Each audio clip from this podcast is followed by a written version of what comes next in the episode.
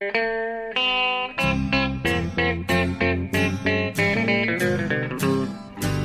out there, we're on the air. It's hockey night tonight.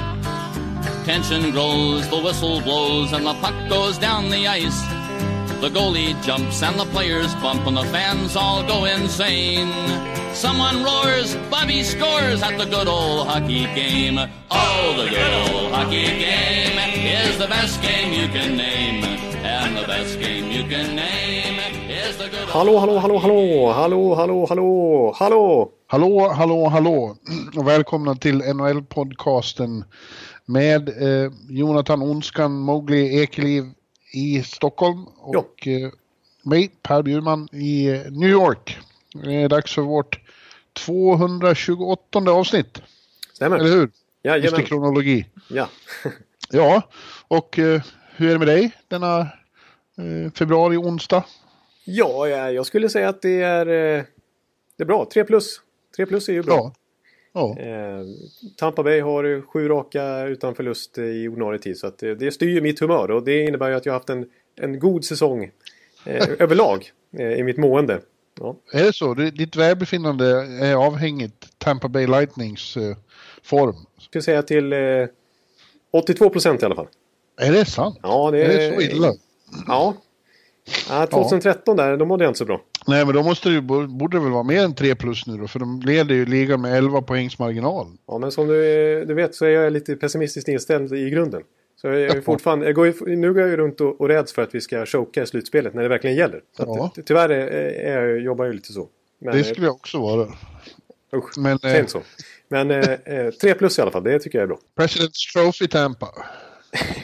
Ja, ja, jag gillar inte riktigt den titeln, men okej, vi köper det. Ja, det hellre Stanley Cup-mästare. Ja. ja, det förstår jag. Hur är det själv då? Jo, det är bra. Jag, jag skulle fråga, jag satt och tittade på det. Jag har sett en del av Tampa i, i, i veckan faktiskt. Eh, från Kåresoffans horisont. Och jag måste fråga dig vad du tycker om de här nya, eller nya, men de här svarta tröjorna som de har haft mycket på slutet. Jag tycker nämligen de är kanon. Ja. Du, är, du ger dem eh, fem plus. Ja, fyra och ett halvt i alla fall. De är ju helt svarta och så nästan så det är bara silhuetter av, av, av klubbmärken och namn i, i, i silver. Ja, jag tycker de är... Nej, jag är nog hyfsat positivt inställd ändå. Alltså, när man bara såg... När det kom läckta bilder redan för några månader sedan. Då tyckte jag det såg ut som en pyjamas. Det, det, det var ju ett plus.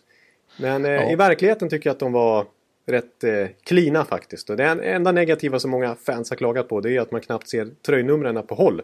Man sitter och Nej, det är Vilket ju- inte så bra. Borde ju vara en, en fördel med, med tröjor att man ser vilka nummer spelarna har. Men, det, men det, är så, det ser så väldigt coolt ut faktiskt med helt svart. Det, det är ju ett skrämmande intryck.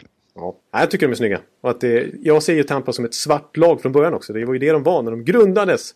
Ja. En gång i tiden, början på 90-talet. Faktum är att Phil Esposito fick klartecken att grunda...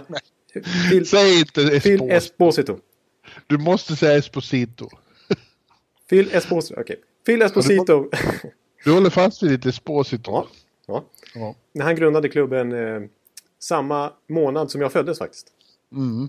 Eh, och då var de svarta. Så det är bra. Ja, i övrigt sen sist så har det ju hänt en del som alltid. Eh, och veckans stora nyhet var väl då till slut att, eh, att, att eh, Randy Carlyle fick sparken som Anaheims coach. Det, den där bortaresan från helvetet Ja. slutade med att han fick gå och eh, det var ju bara en tidsfråga. Fast det väl snarare så att det, var ju det skulle ha skett för länge sedan. Ja, precis. Alltså, Bob Murray hade ju jättesvårt att sparka sin gode vän Randy Carlyle. De har ändå jobbat ihop i tio år och han har anställt honom två gånger. Och de har lyft Stanley Cup-bucklan ihop och sådär. Och, han gick ju till och ut med ett statement för någon månad sedan och sa att nej, det är minsann inte min filosofi att sparka tränare mitt under säsongen bara för att det går lite dåligt.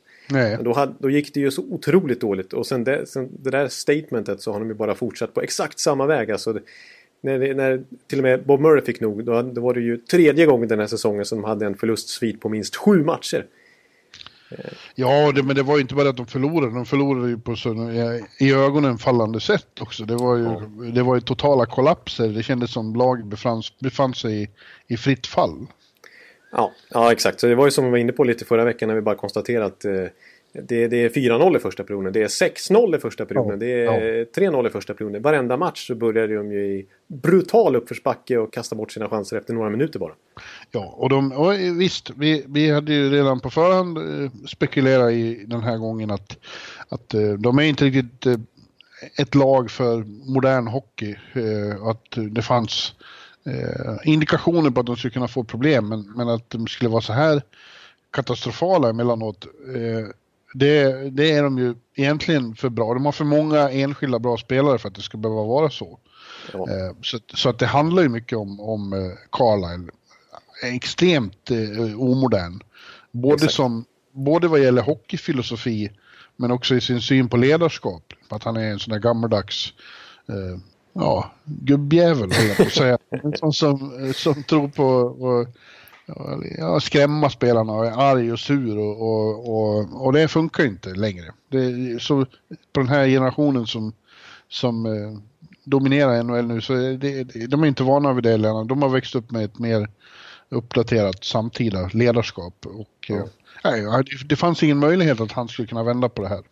Nej, det blev ju bara mer och mer tydligt att han inte kunde göra det. Det blev ju bara sämre. Eh, och, och grejen är som du säger att dagens hockey är mycket snabbare och en helt annan profil eh, sett till vad Carlisle står för. Men faktum är att efter att de blev svepta av San Jose förra årets slutspel eh, där de erkände att de var mycket snabbare än oss och det var den stora nyckeln till deras seger då. Eh, mm. och därför sa ju Bob Murray att vi måste förändra bilden av laget och Carlisle måste uppdatera sitt sätt att spela hockey. Vi måste bli ett mer modernt hockeylag. Eh, och det har ändå märks på deras investeringar, den typen av moves som Bob Murray har gjort senaste året här med på slutet med Daniel Språng som har kommit in och de plockade upp Pontus Åberg ett tag och det har varit ganska mycket rookies som har fått chansen och sådär. Så att de har ju försökt, han har i alla fall från sitt håll försökt styra om eh, kursändringen lite grann. Ja, det är alltid lite, lilla lite, lite, lätt, men alltså det faktum att han har kvar Carlisle förstör ju allting. För att Carlisle är ju inte alls anpassad till det här. Och det, det gick ju om möjligt ännu sämre när han ska leda ett lag som inte står för den hockeyn han vill bedriva. Nej, Nej. men jag är ju tveksam till Murray också ska, ska jag säga det. Och, och eh, det, den, den skepsisen förstärks ju nu när, när han tar beslutet att ta över själv på interimbasis ska ju han gå ner i båset nu resten av säsongen för att, som han säger, identifiera problemen. Eh, och eh, jag tror ju problemet är att han är precis likadan. Till, till att börja med så är det ju han som har byggt den här truppen. Och du tycker att han har försökt modernisera den, men det är han som har satt en, en, en, en, eh, en ej samtida trupp från början och en ej samtida hockeyfilosofi. Det kommer ju från honom från början. Exakt. Även om han uh, har omvänts lite under galgen då. Uh, mm. så, så tror jag ju inte att det blir någon riktig ordning på i Anaheim förrän även han försvinner och ersätts av någon med, med mer progressiva idéer. Nej, för det är ändå trots allt han som har skrivit det här långa kontraktet med Ryan Kessler som är ett av NHLs sämsta nästan. Och Corey Perry och så vidare. Och, ja. ja. Och samtidigt det som är speciellt i det här läget är att han fick ju förlängt bara för någon månad sedan. Han fick ju förlängt under pågående säsong som GM här. Så att från ägarhåll har man ju stort förtroende för honom. Ja, de verkar älska honom. De har ju lite familjekänsla där ute i Anaheim. Och de älskade ju även Randy Carlisle. ja, exakt. De, skrev, de skickar ut själva ett statement nu när det här blir klart att Carlisle försvinner. Och att just Murray tar över själv och skriver att det här är... Ja, det var jättetråkigt att vi började göra av med Randy. Men det är helt rätt att Murray tar över själv nu. Det är helt rätt väg att gå. Mm. Ja, tillåt mig tvivla. Men, men kanske får det en effekt nu i början. De, de ska ju spela nu första hemmamatchen sen den här fasansfulla bortaresan. Just det, den är i natt här innan, precis ungefär när podden kommer ut så, så spelas den. Mm. Anaheim eh, mot Vancouver. Då. Just det. Ja, det blir spännande att se. Ja, precis. Hur, hur spelarna svara på det. För det är det som varit den stora grejen som de har klagat så mycket på. Att det inte varit någon pushback från spelarna. De har ju många ledargestalter i laget men ändå så har det bara förvärrats. Mm. Det är ju Murray inne och trycker på nu också. Precis som Carlisle gjorde under de senaste månaderna. Att det måste visa character, visa heart liksom. Och som, som vi pratade om att Raquel sa förra veckan. Det, är det något vi gör så är det att jobba hårt och anstränga oss allt vi kan. Men vi, det är, är det enda vi gör också. Ja, de spelar inte hockey längre. De bara anstränger sig. Ja, exakt. Ja. Och det är ändå en ledningsfråga så att säga från coachstaben och så vidare. Ja, det är nog bättre att ha en Colliton i det här läget. Du. Ja, det känns som att han är lite mer eh, vänd mot spelarna så att säga. Ja. Och eh, försöker hitta lösningar. Istället för att Carlisle har vi, har vi rimligen sett för sista gången på, de här, på den här nivån. Det trodde vi egentligen när han fick sparken från Toronto, men... Eh, ja. Så vem, ja, vem vet? Det, ja, vem skulle det vara? Nej, nej. nej ja, det, blir, det blir humor när Philadelphia anställer honom eh, nästa säsong. nej, men eh, nu är vi uppe i sex stycken som har åkt, åkt den här säsongen mot noll i fjol. Just det. Eh, och eh, det Finns det några fler tror du som sitter illa till och kan få sparken innan, vi, innan säsongen är över? Det är väl tveksamt nu. Ja, det känns de, som att det börjar bli lite för sent på säsongen faktiskt för att göra den typen av rockader. Ja, de som eh, det går dåligt för eller sämre än väntat, de har antingen redan eh, de har antingen redan bytt eller eh, ja, eller så var det för de lagen redan förväntat att det skulle gå dåligt. Exakt. En man möjligen kan fundera på är ju Jay Bednar i Colorado. Vi, vi fick något mail här av någon eh, något Avalanche-fan som var eh, mäkta upprörd just nu över... Eh, jag, jag tyckte ju att jag identifierade problemet med att vare sig Walamov eller Grubauer har varit särskilt bra. Eh, och Nej. fortsätter inte vara så bra. Men den här, det här fan tyckte att det inte bara räckte med det utan att eh, är Bednar verkligen rätt man för att leda det här laget? Vad säger du som är gammal Bednar-favorit? Eller favorit? Fan? Ja, nej alltså spelmässigt så har ju inte Colorado direkt stagnerat på något sätt sen den fina starten utan tvärtom underliggande siffrorna är väldigt bra att de driver spelet bättre till och med än vad de gjorde första månaden av säsongen. Utan det är som du säger, det, det, den allra tydligaste grejen som har skett det är ju att målvaktsspelet har varit sämst i ligan procentuellt sett. Mm. Eh, sen december ungefär.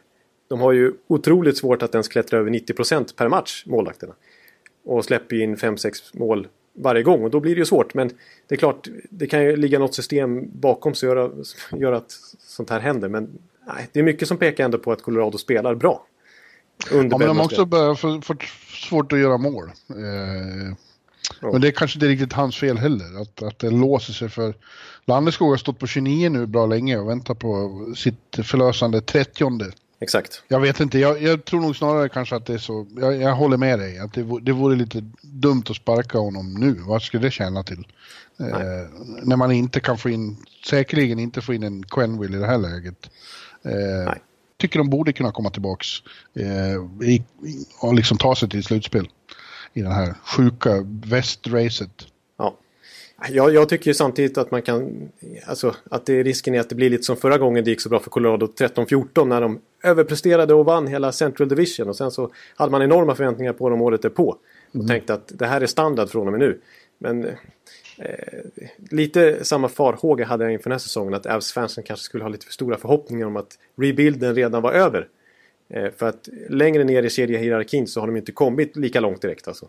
De har ju en superbra första kedja som verkligen bar dem i början av säsongen som att alla tre var stekheta.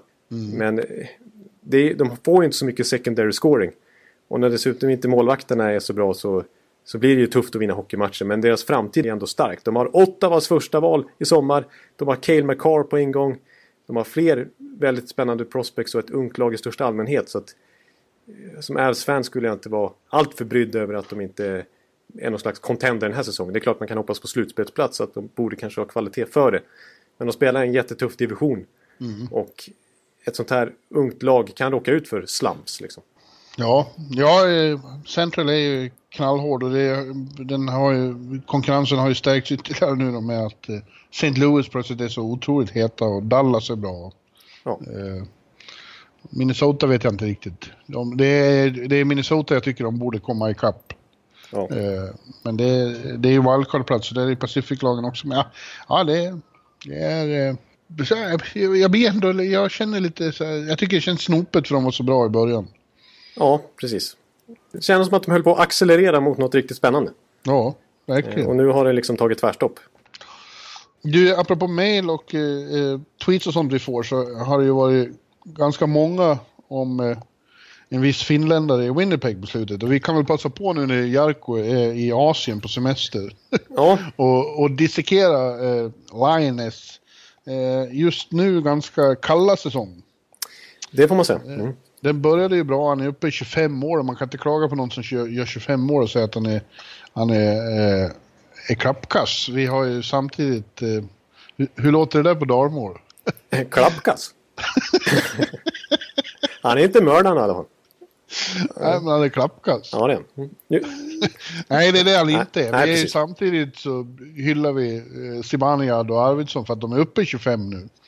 Men problemet är ju att, eh, det har, att han, han, har hamnat i en väldig måltorka på slutet.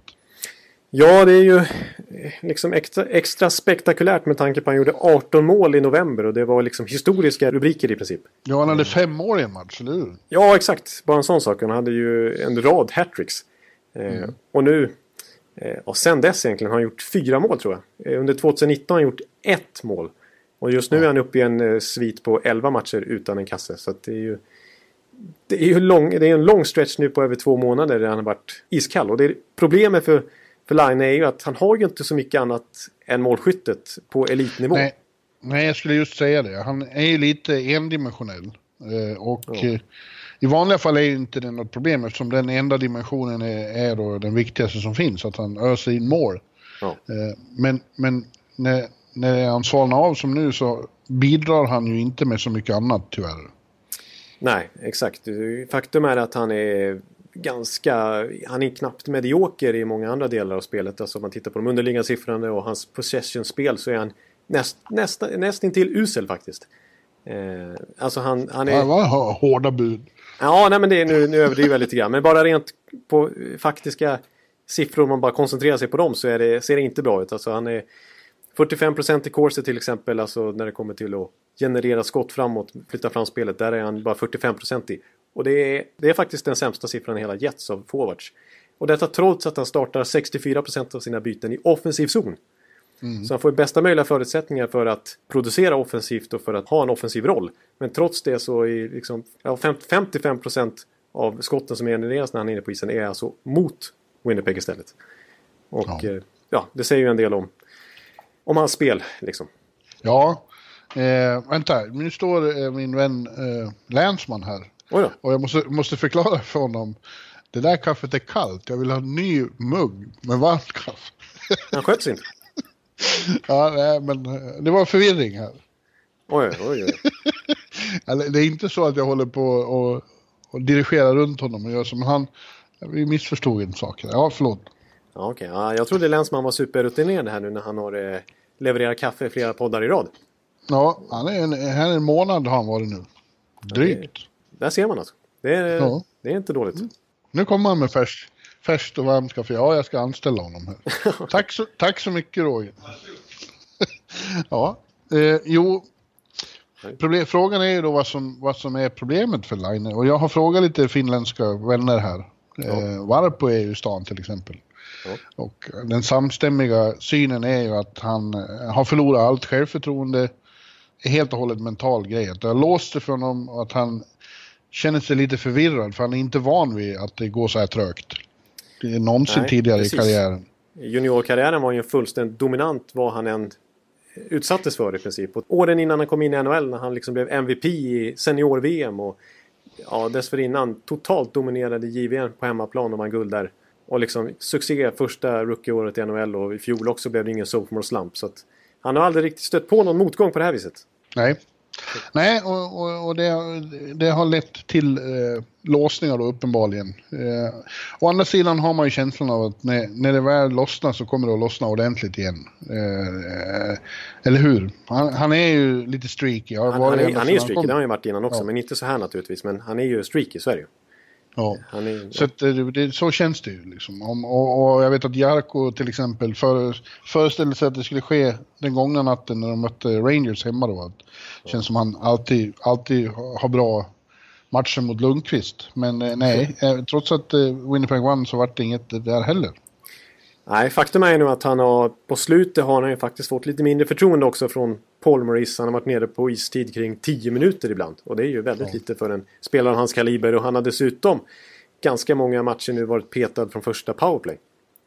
Det är ju hans stora Ja, specialgren. vad ska de göra? De, de har ju ansträngt sig verkligen för att ge dem chanser och, och, och, komma igång. Och det har inte hjälpt. Och, och, ja. Till slut kommer man till en punkt där nu kan vi inte eh, slösa mer tid på, och, på någon som inte bidrar. Nej, exakt. Och, ja, det, det man kan säga om Line, han har ju haft lite rykte om sig att vara lite kaxig och lite lat ibland kanske. Lite humörspelare på sätt och vis. Men det man kan ge honom i alla fall nu är att han har Ända sedan i somras egentligen så snackade jag om att han hade lagt om kosten och tränat mycket hårdare. Liksom verkligen fokusera på försäsongsträningen och hela sin livsstil ungefär för att maximera sin prestation.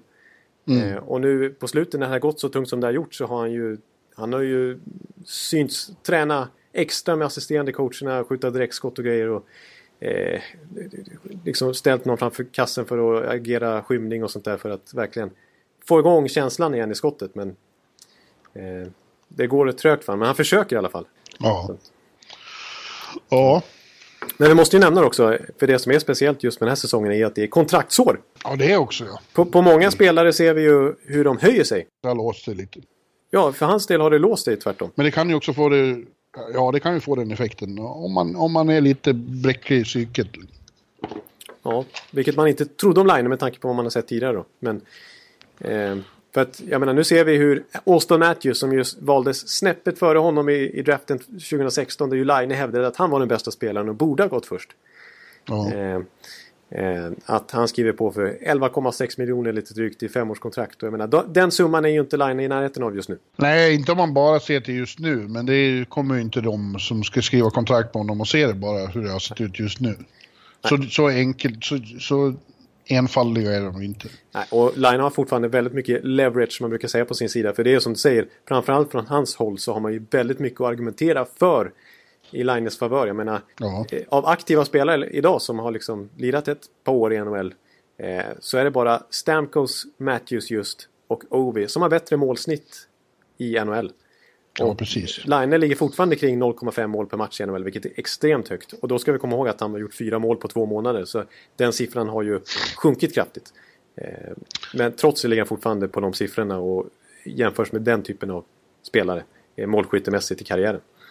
Ja, men eh, det, det, handlar ju bara om att lösa den här knuten nu och få igång honom igen så är han ju en av de farligaste spelare som finns.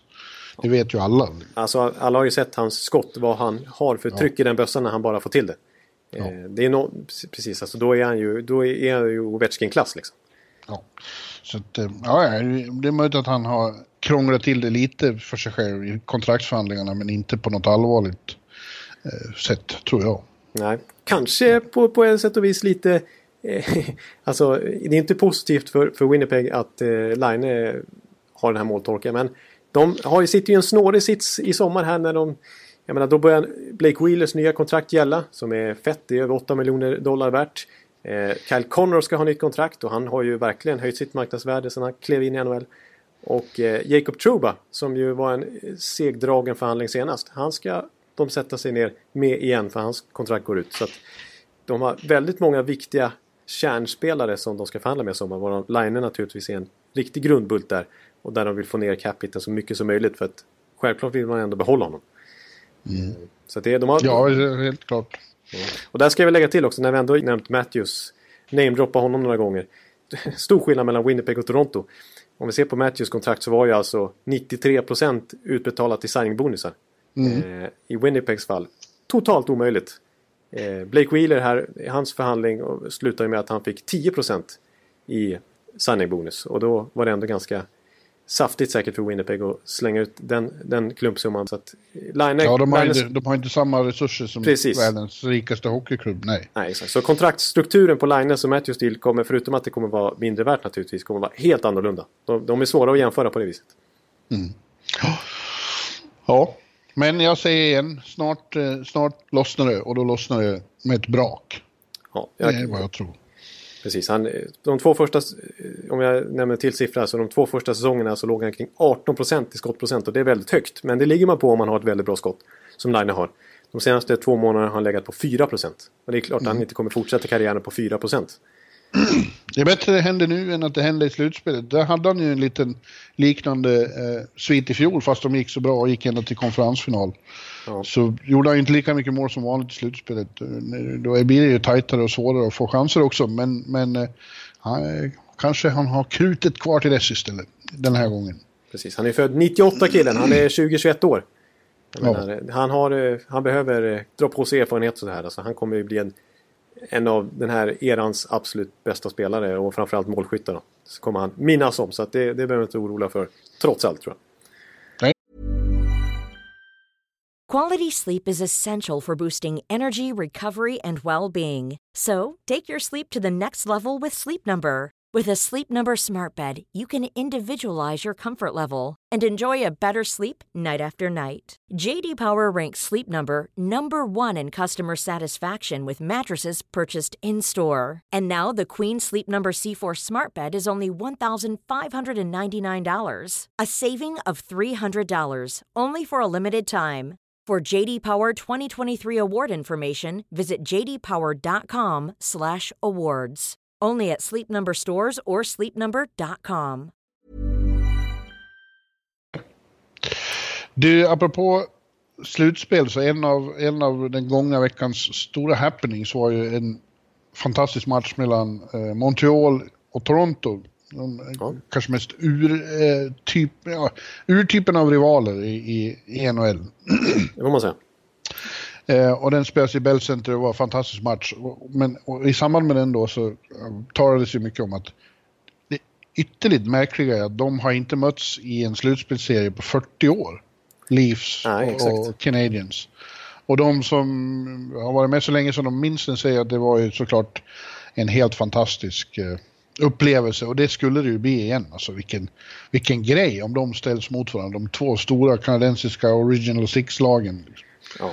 Eh, och det är ju inte omöjligt nu eftersom de ligger och, och, och guppar där med, på, och, och, kan ta andra och tredje platsen med lite tur om, om ja. Boston skulle vara lite mindre bra än de är just nu. ja, precis. Det, var ju under en kort stund i helgen som de faktiskt låg två och tre. Ja. Eh, och det var då verkligen debatten tog fart. För att då var det ju ja. då var det faktiskt så att just nu så kommer de att mötas. Liksom. Ja, det skulle vara fantastiskt. Kan du tänka dig det? Ja, jag kan knappt tänka mig.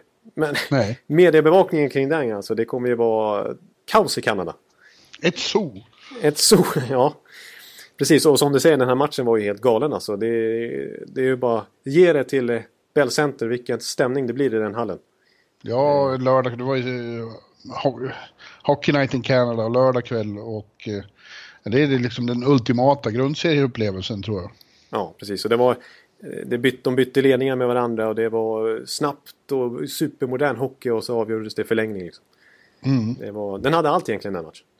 Ja, och intressant tycker jag att se Montreal hur, hur, hur de har förvandlats och verkligen blivit ett av de här moderna lagen. Ja. Som, det, det, nu var det till slut Toronto som vann då på övertid, men Habs eh, är läckra att se nu. Så, så, så kvicka och snabba små. Ja, ja precis. Det, är som, som jag har konstaterat att de är väl liksom det kortaste och lättaste laget vikt och längdmässigt i snitt i hela ligan. Det är liksom en jätteskillnad mot hur det såg ut tidigare. Och där får man ju säga verkligen att Bergevin, till skillnad från Bob Murray, eh, verkligen har förändrat filosofi och släppte taget om Michel Terrien och mm. har lyckats omvandla Claude Julien eh, till en eh, verkligen premiera den här typen av hockey. Ja. Och, eh, de är ju skitroliga att titta på. Och en som verkligen jag får be om ursäkt nästan till för att jag klankade ner på i november-december någonting när jag tyckte att han hade en halvdålig höst sett till förväntningarna. Det var Carey Price. Och, ja. eh, han har ju varit kanske ligans bästa målakt sedan december månad och framåt. Bäst räddningsprocent av första keeprarna som har stått liksom stora portionen av matcherna under 2019 här. Han har ju varit fantastiskt bra. Ja, det finns ju viss potential där. Det får man säga. Det, det är ju en uh, hyfsad keeper. Ja. Och ja. Uh, Max Domi är en attraktion hela tiden. Ja, nej, det, han är, den traden var inte så dum den heller. Nej. Han har inte. gjort några bra tweaks, mm. den gode Bergevin. Och från och med nu finns det ju en svensk egentligen i Montreal igen. Det försvann ju med Jacob Delarose. Men nu har de ju tradat till sig Christian Folin från Philadelphia. Just det. De... Han är sjunde back nu i nuläget. Ja, de... han har ju faktiskt agerat lite proaktivt igen här, eh, Bergevin, och gjort några små justeringar. Just de här värvningarna han gjort kanske inte skriker eh, lättvikt och fart. Men eh, han har ju eh, gjort lite ändringar i fjärdekedjan och så en Folin som har kommit in som back då. Dale Weiss är tillbaks. Ja, just det. För fjärdekedjan. Och så tradar de dessutom till sig Nate Thompson från eh, LA Kings här. Just det. Så vi får se vad det innebär. Men det är, de vill ju ha en, en riktig fjärdekedja att komplettera sina snabba, unga, kvicka forwards med. Senast eh, Bergevin tog in Dale Weiss, då gick de ju till konferensfinal mot Rangers där. Så att, han har lyckats i Montreal förut i alla fall. Ja, det blir, det blir spännande för och låt oss be till hockeygudarna att ge oss den där serien. Fast med Boston uppe så känns det svårt. Alltså Boston, jag tycker Boston är lite underskattade. Ja. Faktiskt. Jag tycker de får för lite cred för hur bra de är. Och, och det visar de inte minst igår när de klippte av Chicagos sju matcher långa förlustsvit. Trots Segersvit. att... Eh, ja, ja förlåt. Ja, de klippte av deras segersvit. Ja. Eh, och det trots att då eh, eh, Bruins-fansen fick det fasansfulla beskedet några timmar tidigare att eh, David Pasternak eh, blir borta ett tag. Han opererar en tumme efter att ha snubblat på en sponsormiddag. Usch, Va, vilken vad skada. säger man om det, Ekan? ja. ja, det är ju det är nästan lika illa som att Craig Anderson fick en tennisboll i ögat. ja, precis. Det var, inom samma dygn så var det bisarra skador. Överallt, höll jag på att säga. Ja, rock'n'roll-skador, spinal tap. Ja, precis. Eh, det, det låter ju inte bra med, med Pasternak. Han är ju såklart eh, en av de viktigaste, absolut viktigaste pjäserna där. Ja, framförallt för målskyttet alltså. För att eh, de har ju fortfarande, tycker jag, lite problem med secondary scoring. Det är väl en svaghet de har i alla fall. Eh, visst, de jobbar hårt som lag och kollektivet funkar riktigt bra tycker jag för Boston. Och jag tycker, håller med om att de är lite underskattade. Och smyger lite i vassen här som en contender. Ja, precis. Men eh, faktum är ju att de redan innan Pasternaks skada är ute på jakt efter mer målskytte. Och har eh, hört av sig till Columbus och Martin med Panarin till exempel. Eh, Så att det här är ju ett hårt slag för dem. Alltså nu, nu ska han ju alltså utvärderas igen om två veckor Pasternak. Och det är inte alltid att det är ett bra tecken att, att man ger det, den typen av skadebesked att han ska, man ska liksom göra en ny analys om två veckor. Ibland kan det innebära att, det, att man missar två, tre, fyra veckor till. Liksom. Ja, men det, det betyder inte att det är automatiskt så heller. Så det är inte Nej. värsta beskedet. Nej, exakt, det är inte så att det är spikat nu att han blir borta eh, fram till slutspelet börjar eller resten av säsongen på något sätt. Utan de, de förväntar sig att han ska vara... Det, det slog ju fast när han kommer tillbaka den här säsongen. Men när det blir, det kan vi inte slå fast redan liksom. Eh, Så att, men det är ändå ja, lite oroväckande tycker jag. För dem. Mm. Men eh, ja, jo, ja, jo, det är klart. Man vill inte, vill inte bra med en superstar eh, så nära slutspel, men, men han kommer ju att komma. Han är tillbaka om tre veckor, åtminstone. Ja, och det, det, det får man ge också eh, Boston att de är vana vid att hantera skador. Alltså förra året var det ju absurt när Bergeron och Marchand och hela bunten var borta hela tiden och de fick använda Riley Nash som första center under stora delar av säsongen. Så att de är, de är vana att hantera det. Eh, Och faktum är att just nu så tror jag att Pasternak är den enda skadan de har. Så att för att vara Boston så har de ett ljust och fint skadeläge. Jaha. Eh, Nästan en komplett trupp för att vara dem. Ja. Ja, vem tror du kommer komma in? Det Silverberg pratas det också om att de har eh, tittat på. Och Ja. Silverberg har inte producerat jättemycket i år, men alla vet ju att eh, eh, come playoff time så är, kan han ju hamna i fruktansvärda stim. En Precis, riktig han- slutspelsstjärna. Exakt, han känns lite Boston-mässig i sitt tvåvägsspel och det här... Han, han har ju ändå, han är ändå stark vid sargerna och sånt där och han har ett bra skott och som du säger, han brukar kunna lyfta sitt spel i playoff liksom. Eh, Så att eh, lite Boston-vibbar på honom, det kan jag förstå. Eh, Men det är klart, en Panarin till exempel, det hade varit... För grejen att Inför säsongen så hoppades ju mycket på sina unga spelare. Alltså att Ryan Donato verkligen skulle slå igenom i år. Att en Anders Bjork som hade en betydligt sämre rookie-säsong än man trodde året innan skulle lyckas i år istället. Men han är ju skadad nu och varit nere i AHL stora delar. Och även Ryan Donato har ju varit nere i AHL istället för NHL. Så att eh, där har de inte fått den utväxlingen som de förväntade sig tror jag. Eh, Som secondary scoring så att säga. Eh, Så att ja, de kommer ju agera. Och sen så kanske de får en välkommen utvilad David Pasternak när det väl blir slutspel. Men vet, de kan ju till och med ställa till det för Toronto och Tampa i sin division. Ja. Absolut. ja. Men vi, vi, alltså när vi ändå är här i öst slutspelsracet så det är ju inte liksom det har känts det har känts som att det har varit ett litet glapp ner till Carolina och Buffalo men vi kan fortfarande inte räkna ut dem. Och framförallt inte Carolina tycker jag. Nej. Nej, inte Buffalo heller för fan. Nej, nej. Eh, De, de är ju en respektive två poäng bakom eh, Pittsburgh då på sista eh, slutspelsplatsen och Carolina har en match mer spelad. Ja. Eh, men, men Buffalo och Pittsburgh står ju på samma poäng och det skiljer dem två, två poäng åt. Ja, det är ju, eh, ju superrace där. Ja, och, och, så bakom kommer ju fortfarande Philadelphia tuffande i sin eh, stora pushback. Precis, och Columbus är ju inte på, på tredjeplatsen i Metro är absolut inte klara på något sätt. De har ju också bara några fåtal poäng ner till Carolina och Buffalo. Ja, men de har varit väldigt bra på slutet. Fyra ja. raka nu. Starka. Kanonmatch här mot Washington. Ja, de nollade Capitals. Storartat. Till och med Tortorella var nöjd efteråt. Det ser ja, man det, inte så ofta. Det händer inte ofta. Det var riktigt bra. Crispy, tyckte han. Oj, när det är bra, då är det crispy. Ja. Då är det kanon. Men, men eh, det är kul att det har, för eh, som du säger, ett tag kändes det som det var avgjort redan, eh, i princip. Men eh, det är kul att, att Buffalo och Carolina tränger sig på. Och ja. det var ju två lag som vi, åtminstone Buffalo, förra säsongen pratade jag om att de skulle eh, ja, ta stora steg framåt och kanske vara ett bubbellag. Medan jag väl trodde att Carolina skulle, de hade jag äntligen, eller till ja, sist slutat tro på. Ja. Medan, du, medan du blåste i deras lur lite grann. Ja, lite smått. Eh, och visst, målvaktsproblematiken var inget de lyckades lösa under sommaren och, och, när Scott Darling väl skulle få en ny chans här under hösten så tog han inte den och faktum är att det har gått så långt nu att han alltså har tagit en timeout nere i AHL. För att ja. han behöver samla tankarna och liksom ja, reparera sig mentalt i princip. Ja. Ja, det är lite tråkigt hur det har blivit med hans karriär. Eller ja, han tjänar ju pengar så det skvätter om det. Men, ja. men eh, han lever inte riktigt upp till sin lön.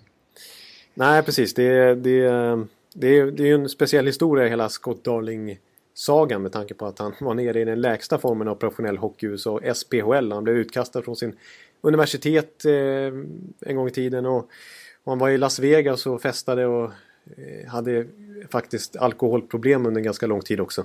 Eh, sen bara tog han tag i sitt liv i princip, inte bara sin hockeykarriär. Och tog sig liksom genom alla farmarligor och bakgårdar som finns upp. Eh, först i AHL då och sen så till och med till sin hemstad Chicago och fick spela för Blackhawks och vinna Stanley Cup med dem. Och sen ja. skriva på det här enorma kontraktet med Carolina. Det var lite, lite huggsexa honom och Carolina agerade i förväg, bytte till sig honom och erbjöd det här stora feta kontraktet på väldigt många miljoner.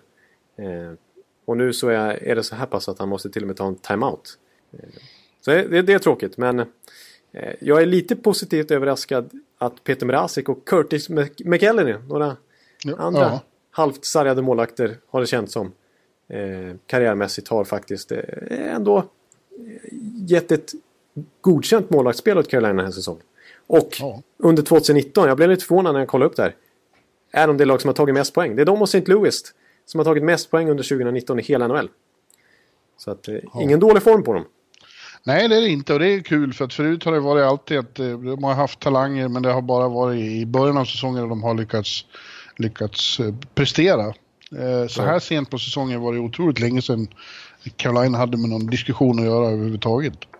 Precis, och vi har ju pratat en del om Michael Furland, att han har varit en lyckad, eh, lyckad åtminstone när, när de har sett hur både Skinner och Elias Lindholm och Noah Hannifin och folk som de skeppade bort eh, har slagit igenom i nya miljöer. Men Furland var ju bra och nu måste man även säga att Dogge Hamilton har varit riktigt bra på slutet. Jag tror han har gjort sju mål här under de sista månaden typ. Ja, båda två har ju varit föremål för diskussioner tidigare om att de skulle bli tradade då, men det tror jag inte nu. Det, det, även Färland som väl är den det har pratats mest om. Ja. Eh, tror jag de börjar eh, dra åt sig eh, öronen och vill behålla. Ja. För han är väldigt bra i en andra kedja där nu med Wallmark och Teravainen. Medan då Niederreiter har ju tagit över i första kedjan. Precis, han har blivit eh, Ahos nya radarpartner. Ja, och han är ju också bra. Liksom. Det var ju en bra trade. Ja, det var en kanontrade.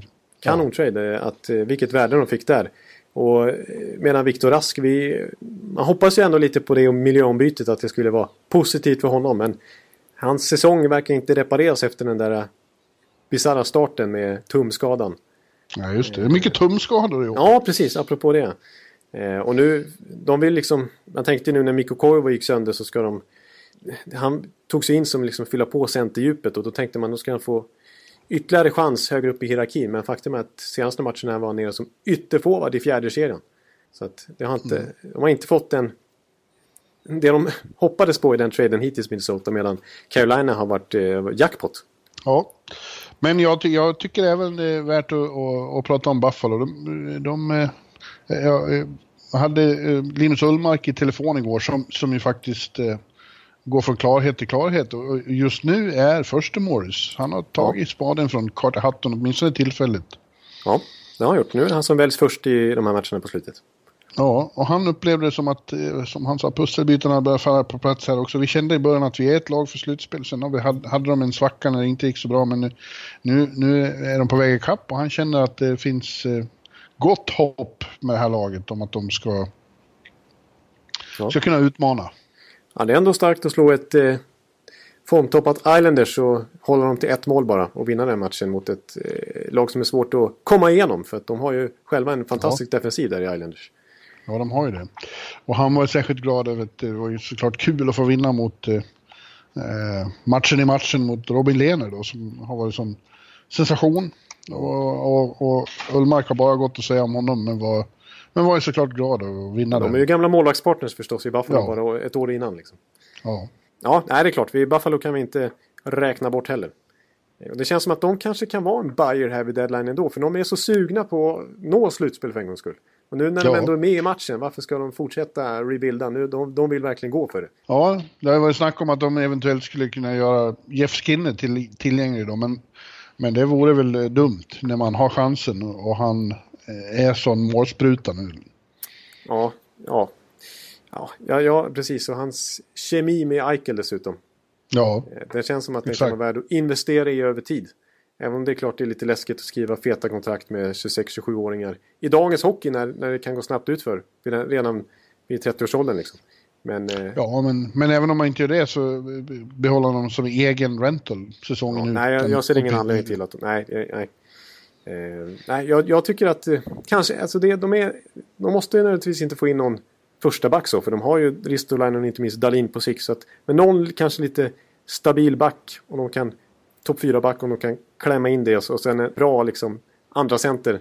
Eh, för Mittelstadt är inte riktigt redo för det än. Eh, då är det ett, ett riktigt bra lag Buffalo. Jag tycker de bara är de två pusselbitarna ifrån eh, att nästan utmana, höll jag på att säga. Men i alla fall vara mycket mer relevanta. Ja ja. ja nu är det bara en och en halv vecka kvar. eh, ja. Jonte. Sen är det, sen är det trade deadline. Ja, det, det är ju ändå härliga tider alltså. Det är det är lite kontroversiellt med spelarna bara behandlas som handelsvaror och flyttas hit och dit och med kort varsel plockas bort från en träning och hamnar i, på andra sidan kusten och flyttar med hela familjen och hit och dit. Men utifrån sett så är det ju, det är ju ändå underhållande tid. Ja, och, eh, och det, förlåt, på, i nordamerikansk media så är det ju det duggar tätt med, med spekulationer och framförallt The Athletic bara öser ut ja texter om vilka som ska hit och dit. Man tror knappt att det är en enda spelare som blir kvar på samma adress. Nej, det finns rykten och, och spekulationer att ta tag i så det sjunger om det liksom. Men... Ja. Men det ja. hetaste är ju om Columbus skulle göra Panarin och eller Bobrovski tillgängliga så är ju de leder klungan här då. Men, ja. men det vet vi inte än. Och då är det istället duon i Ottawa ögonen riktas mot, eller hur? Blicken riktas mot. Ja, precis. Eh, Matt Duchene och Mark Stone. Eh, ja, precis. Nu, än så länge är inte de officiellt på marknaden heller. Utan det kan faktiskt, i alla fall när vi spelar in det här, det kan dröja några dagar till. Vi får se när... när för de eh, hävdar att de fortfarande sitter i förhandlingar och, med båda två om mm. kontraktsförlängningar och sådär. Men eh, enligt rapporterna så går det ju rätt trögt trots allt. Eh, ja. Och kanske framförallt med Mark Stone, att det är Matt Duchene man prioriterar. Eftersom att man betalade så dyrt för att få in den där första centern man suktade efter i det läget. Och ja, Man prioriterar centern snarare än ytterforwarden faktiskt. Men eh, det är kanske inte helt lätt att, att, sälja in Ottawa till dem när de kan bli UFA och välja vad de vill. Med tanke på vem som styr den klubben och i vilket läge de befinner sig i. Eh, mm. Så därför gick ju faktiskt Eugene Melnick förmodligen ganska medvetet ut med med ett statement här på ett corporate event som de hade när spelarna var, var på plats och så vidare. Och presenterade liksom en framtidsplan för Ottawa. Hur, hur den här rebuilden ska gå till och när den ska övergå. Gå till! Gå till! Brassard. eh, eh, och eh, helt enkelt ta fart. Och det är ju från och med ungefär när, efter en eventuell lockout eller oavsett då från och med 2021. Då ska de växla upp på allvar. Då ska de spendera mot lönetaket igen. Och då säger Eugenie Melnick att ni ska få se unparalleled success from the Ottawa Senators. De kommer vara en contender redan då. Och eh, det ska minsann Duchene och Stone veta. Mm. Ja, men det där är ju mycket snömos eftersom till exempel den arenan är ju Melnick indragen i världens värsta eh, eh, lasut-skit med sina medarbetare. Liksom. Det stäms hit och dit och, och, det verkar inte bli någon ordning alls. Nej, det känns tvärtom nästan. Ja, just nu sitter jag faktiskt och tittar på en, en uh, Atlantic-artikel som just kom ut om vilka som är sellers och buyers, så den är lite underhållande. Ja. Uh, LeBrun? Nej, den är nog gemensam för, okay. tror jag. En riktigt lång artikel är det. Ja. Vi ska se, Anaheim Seller, uh, Arizona Seller, Bruins Buyer, Buffalo Buyer Maybe, står det sen. Ja, det är hela, hela ligan som går igenom här i princip. Carolina är seller snedstreck buyer. Oklart. Chicago är sellers maybe. Vänta, det kommer något. Colorado är buyers, but playing like sellers. ja, det stämmer Ja, vänta ska vi se vad, vad det var något mer här. Eh, Edmonton buyer, but playing very much like a seller. -hmm. ja, ja. Vad nu det betyder. Eh, De har ju knappt en general manager just nu heller dessutom. Minnesota buyers, but not really serious buyers. Han har specifika Montreal, betygen. Buyers, but bargain shoppers. Bargain shoppers. Ja. Ja. Mm. ja. Ja, det får man säga när de tar in eh, Thompson och Dale Weiss och lite sådana här små grejer istället för att gå för de stora UFA-namnen. Tampa Bay Lightning Buyers. Ja. ja. Så är det. Jag såg förresten, jag var tvungen att kolla upp det där, liksom hur många lag alltså, hur många lag som har vunnit Stanley Cup de senaste åren som inte har offrat sitt första val i en trade vid deadline. Mm. Och det, det var några fåtal alltså. Det var Pittsburgh en, en ett av åren. Sen gjorde de ändå sig av med det där första valet. Och så var det Chicago 2013 tror jag behöll sitt val. Men annars är det nästan hela, hela bunten som har, som har faktiskt tradat bort första valet. Så det är i princip minst det som krävs om man ska pusha sig hela vägen till Stanley Cup. Då krävs ja. det att offra saker här vid den här tiden på året. För att förstärka ja. sin trupp. Har Tampa ett första val och, och Ja, det är det som är lite svårt. För att eh, skulle de vinna Stanley Cup så försvinner deras första val villkorligt till eh, Rangers i McDonough-dealen. Just det. De, ska de förhandla med det så måste de offra sitt 2020-val istället. Mm. Ja, och det vill du inte. Ja, men nu måste jag inse att eh, ska man vinna då måste man vara med i matchen här. Ja, men vad är det Tampa behöver då? Det, för att det... hamna i den konstiga diskussionen. Ja, det, var, det var ju inte planerat här. Nu, nu halkar vi in igen på Tampa Bay här. Men jag kanske vill ha en till forward. Vi har ändå chans. Vi har ändå en ganska bra prospect pool så vi har råd att, att ta från den. Eh, vi? Vi, ja förlåt, förlåt, det här låter inte bra. Eh, Men du vet, vi, vi återkommer till det nästa vecka. Ja, då, ja, då, då, blir det då, riktigt... Då, uh, då ska vi gå igenom lag för lag ja, vad, vad, som kommer hända. Och, det kanske redan har hänt väldigt mycket. Vi, vi, vi återgår till uh, Duchene och Stone tycker jag. ja. Det var där vi började. Ja. Uh, för att jag tycker personligen att Stone är, borde vara stekhet på marknaden. Eh, och till viss del är han ju det för att uppgifterna som hittills sipprar ut är att alla de här stora UFAsen som, som nämns, Panarin, Stone, Duchene, inte minst Wayne Simmons, att priset är skyhögt. Att det är därför inte varit i närheten någon deal än så länge. Eh, Nej, för att de kommer kräva ruskigt betalt eh, för att släppa dem. Även om de förmodligen gör det till slut. Men ska man vinna en budkrig så får man verkligen anstränga sig. Eh, och jag menar Stone, när vi pratade Mid-Season Awards här för några avsnitt sedan. Lanserade jag ju honom som eh, Selke-kandidat för hans fantastiska tvåvägsspel. Alltså hur överlägsen han har varit i Ottawa den här säsongen när det kommer till possession och takeaways. Liksom. Nej, jag, jag skulle betala mycket för honom. Och han är ju en bra ålder, född 92. Ja. Eh, alltså jag skulle gärna kunna, om man har, även om utrymmet är skralt så är det en sån spelare jag gärna skulle behålla på sikt. Ja, vi får ju se. Det, det är ju som, som jag var inne på förut, det är ju ändå extremt många som, som borde vara sellers. Så därför kommer det att bli, borde det bli en jävla huggsexa om de, eh, om de viktigaste, största namnen. Och då kan ju en sån som lag som Ottawa verkligen driva upp priset och, och, verkligen försöka få ut så mycket som möjligt. Ja, precis. Så det, så det nej. på det viset har han ju någonting att se fram emot i alla fall, Melnyk. Att de kommer ju förmodligen ha en hel del talang insamlat och första val och så vidare när trade är förbi. Mm. Det, det har han ju rätt i alla fall. Eh, och det, apropå Stone då, så det, det är verkligen connections i, i väst. Och lag som rycker i de där. Winnipeg, han är född i Winnipeg. Eh, de är intresserade av honom. Eh, Calgary, där spelar ju brorsan. Och de eh, uppges redan ha hört sig för. Eh, och så Vegas då, som jag har nämnt som en Stone-destination tidigt på säsongen. Eh, där, där har ju assisterande general manager Kelly McGrimmon väldigt stort inflytande. Och han äger ju dessutom, och har gjort det under hur många år som helst, Brandon Wheatkings i WHL juniorligan i västra Kanada. Där Mark Stone spenderade sin juniortid. Så han har verkligen en stark koppling till honom också. Ja.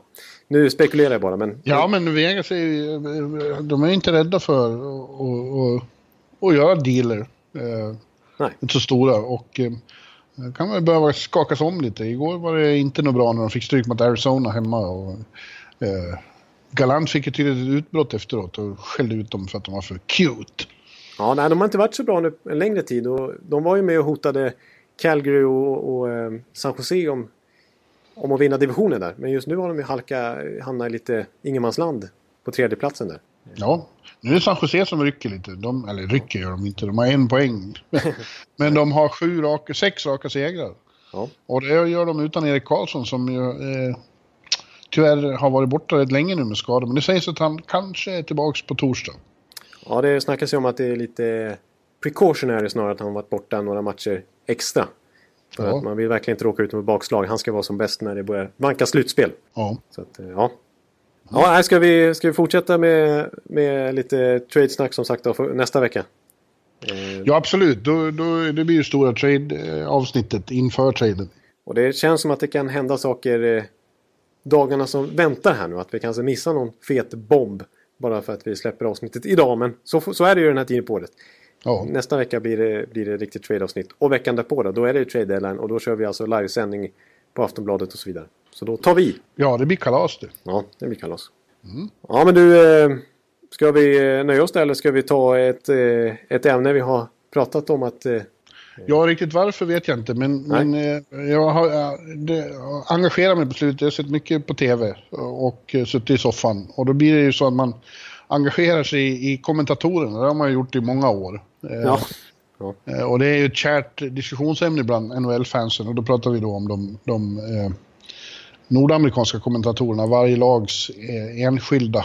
Eh, och det finns ju de man tycker om och de man tycker mindre om, helt klart. Ja.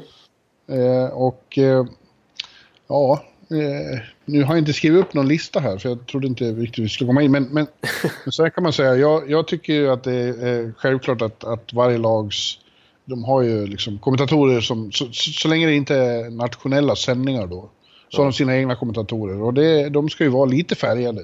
Så är det ju. Ja, de, de talar ju ändå till eh, majoriteten av deras publik. Eh, håller ju stenhårt på, på det laget. Så det är ju helt okej. Okay. Eh, mm. Men de ska inte vara helt totalt enögda för att man ska stå ut. Eh, och eh, några bra exempel skulle jag vilja säga till att börja med då. Mm. Eh, jag, jag, tycker till exempel att dina vänner i Tampa är väldigt bra. Jag tycker Brian Engblom är en utmärkt bisittare. Ja, ja, det är en eh. uppgradering mot vår tidigare Bobby the Chief Taylor som jag brukar prata om. Som var lite, lite old school och kallade Minnesota Wild för Minnesota North Stars och sådär. Och tyckte att, tyckte att det mesta. Tampa gjorde var bra och motståndarna var katastrof. Så att, eh, jag, jag är glad att Engblom har kommit in som är gammal NBC. Han är van att vara nationell kommentator och vara nyanserad. Ja, han, han, har ju, han är ju eh, liksom håller på Tampa men ser ju verkligen motståndarna också och ger eh, ger, ger dem beröm. Liksom. Ja. Ja. Eh, när de förtjänar det och, och, och, ser andra lags stora spelare och sånt. Ja. Ja. Ett annat favoritpar är faktiskt eh, de i, i eh, Detroit. Ja, just det. Gamla klassikerna. Ja. Ken, Ken Daniels och, och Mickey Redmond. Ja. De, det finns ju många som uh, har synpunkter på dem. Att, för, jag, ja, det beror på vad man har för preferenser. Jag tycker att kommentatorerna ska vara både kunniga och, och men även skapa bra stämning och vara trivsamma. Och ja. det är möjligt att man, att, att de brister lite i, i, i synen på, de kanske inte har den mest uppdaterade hockeykunskapen, men, men de är ju otroligt eh, trivsamma att göra med. Det är lite Ankan, Arne och Ankan-feeling eh, över det hela. Det är lite två mysfarbröder. Ja. Som skapar stämning. Det känns som, liksom. ja, man får in väldigt eh, trevliga gubbar i, i vardagsrummet. Det är mycket, oh boy. Oh lord. ja, varför inte? Nej, varför inte liksom. Nej, det är lite kontrast jag, tycker, jag, tycker, jag tycker även att uh, New York Rangers, är Sam Rosen och, och framförallt Joe Micheletti är, är utmärkta. Och Micheletti är ju en sån som är så pass bra så att han ofta får eh, köra på NBCSN också. Alltså Ja. nationell TV. För att han är ju en av de absolut bästa expertkommentatorerna, det håller jag verkligen med om. När han och, Ja, det är han- han och Kenny Albert som brukar köra på NBC. Ja. Kenny är ju också anställd av MSG och kör ofta radio och så här när han inte är på NBC. Han kör ju alla fyra sporterna. Han är ju, Just det, det är han som jobbar mest i nordamerikansk eh, sportjournalistik. jag tror han är den som jobbar mest i Nordamerika överhuvudtaget. Oj, oj, oj. Ibland. Ja, ja. Det har ju varit eh, slutspel när han har kommenterat Los Angeles ena dagen i LA. Och varit tillbaka här morgonen efter för att kommentera Rangers i radio. Och så någon ba- basketboll slutspelsmatch däremellan och så lite fotboll och baseball. Och... Han är inte klok liksom. Nej, det är faktiskt... Det är inte mänskligt nästan. Nej, men han älskar det. Han är dag. extremt, eh, extremt eh, engagerad. Men, men eh, som sagt, vad gäller tv är han ju mest på nationella sändningar då. Ja. Och gör det bra. Ja. Och har några fler bra? Det finns väl många fler bra såklart. Ja, alltså min favorit av alla kommentatorer tror jag som också anställs ofta i nationell tv men som ju har ett, ett hem, ett näste där han är ordinarie lokal liksom, play-by-play announcer. Det är ju John Forslund, John Forslund Ja, just det. i Carolina. Jag vet inte om han har någon svensk koppling men han heter i alla fall John Forslund och jag kommer ihåg när Jocke, Jocke Nordström spelade där så sa han alltid Jocke Nordström. Ja, Han var så nöjd med att han kunde hans svenska smeknamn. det lät inte jättebra men han, han försökte i alla fall. nej, just Och, eh, ja, han är ju otroligt eh, bra liksom vokabulär och behaglig att lyssna på. Jag förstår varför han är ofta anställs nationellt för att ratta matcher. Liksom. Ja, det är lika med, med Torontos kommentator, Jim Hewson. Ja. Han är ju eh, Toronto till vardags, men sen gör ju alla, eh, alla CBC-matcher, eh, alla finaler, alla slutspel åt, åt alla håll och kanter. Han är ju också extremt duktig och har en fantastisk röst. Han har den mest stämningsfyllda rösten man kan tänka sig. Ja, man, blir, man börjar tänka på hockey så fort han öppnar munnen. Man tänker på drama och, och liksom får rysningar. Och typ eh, NHL-spel i början av 2000-talet, sån här EA Sports. Liksom, I och med att han, var, han hade det då. Nej, han, är, han är ju kanon. Han är ju, han är kanske är bäst. Ja, så var det en som, han som precis slutade nu, den mest klassiska, Bob... eh, Bob Cole. Bob Cole, ja.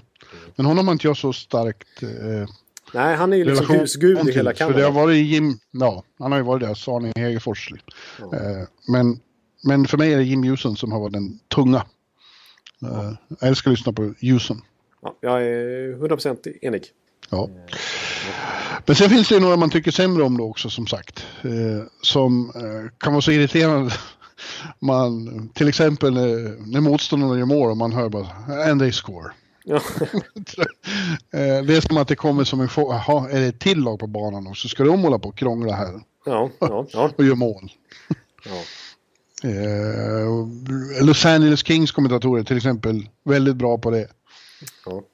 Och låta så otroligt besvikna. Ja, ja, det håller jag med om. Men nu har ju Colorado bytt kommentator. Förut var det Mike Haynes och han har, tycker jag har det mest... Han bytte, de bytte i somras här och han tycker jag har det mest klassiska exemplet på det. Eh, För, för några år sedan när de mötte Columbus. Och Nick Foligno avgjorde, jag måste nästan klippa in det här. Men han, han säger verkligen And it's Foligno with the puck. He shoots score. And the Jackets win in overtime. Two on one Jackets, but Duchesne is flying back. Foligno shot scored. And the Blue Jackets win in overtime, four to three. Sen håller han tyst. Ja. Ja. Ja. ja, så finns det någon som är så enögda på, på andra sätt, att de blir emotionella och blir för liksom eh, för engagerade så de tar så stark ställning för sitt lag och mot motståndaren att det, eh, ja, det blir nästan obehagligt. Och, och vår vän Edwards i Boston är ju praktexemplet där. Då. Jo, precis. Han är ju han är verkligen det. Det känner väl i princip alla till. Eh, vad han kan, eh, alltså vilket tonläge han kan hamna i. Ja, Jack Edwards. Ja. Det, han kan ju nästan gå till personligt angrepp mot vissa spelare om man tycker att de tacklar fult eller filmar eller vad som helst. Ja, ja han är mer som en, en hej. Det är någon, någon på läktaren som har fått en mikrofon. Ja, just det. Exakt. Och på ett sätt kan han vara lite underhållande ibland men ofta går han ju alldeles för långt. Liksom. Ja. Eh, för att det måste ändå finnas någon slags nivå som kommentatorn måste hålla även om man kör lokal-tv. Liksom. Det lokala Roots-bolaget i Pittsburgh är också väldigt mycket så. Ja. Till och med heter ju Roots. Alltså ja. Root Sports. Så att de liksom ska roota för det laget. Så det är mm. i alla fall, eh, de är öppna med det så att säga.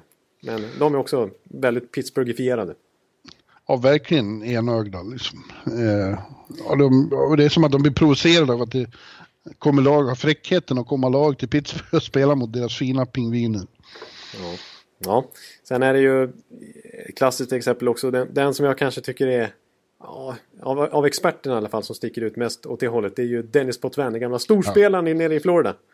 Ja. ja, han var storspelare i Islanders, men nu sitter han och kommenterar. För, absolut, jag skulle just komma till honom.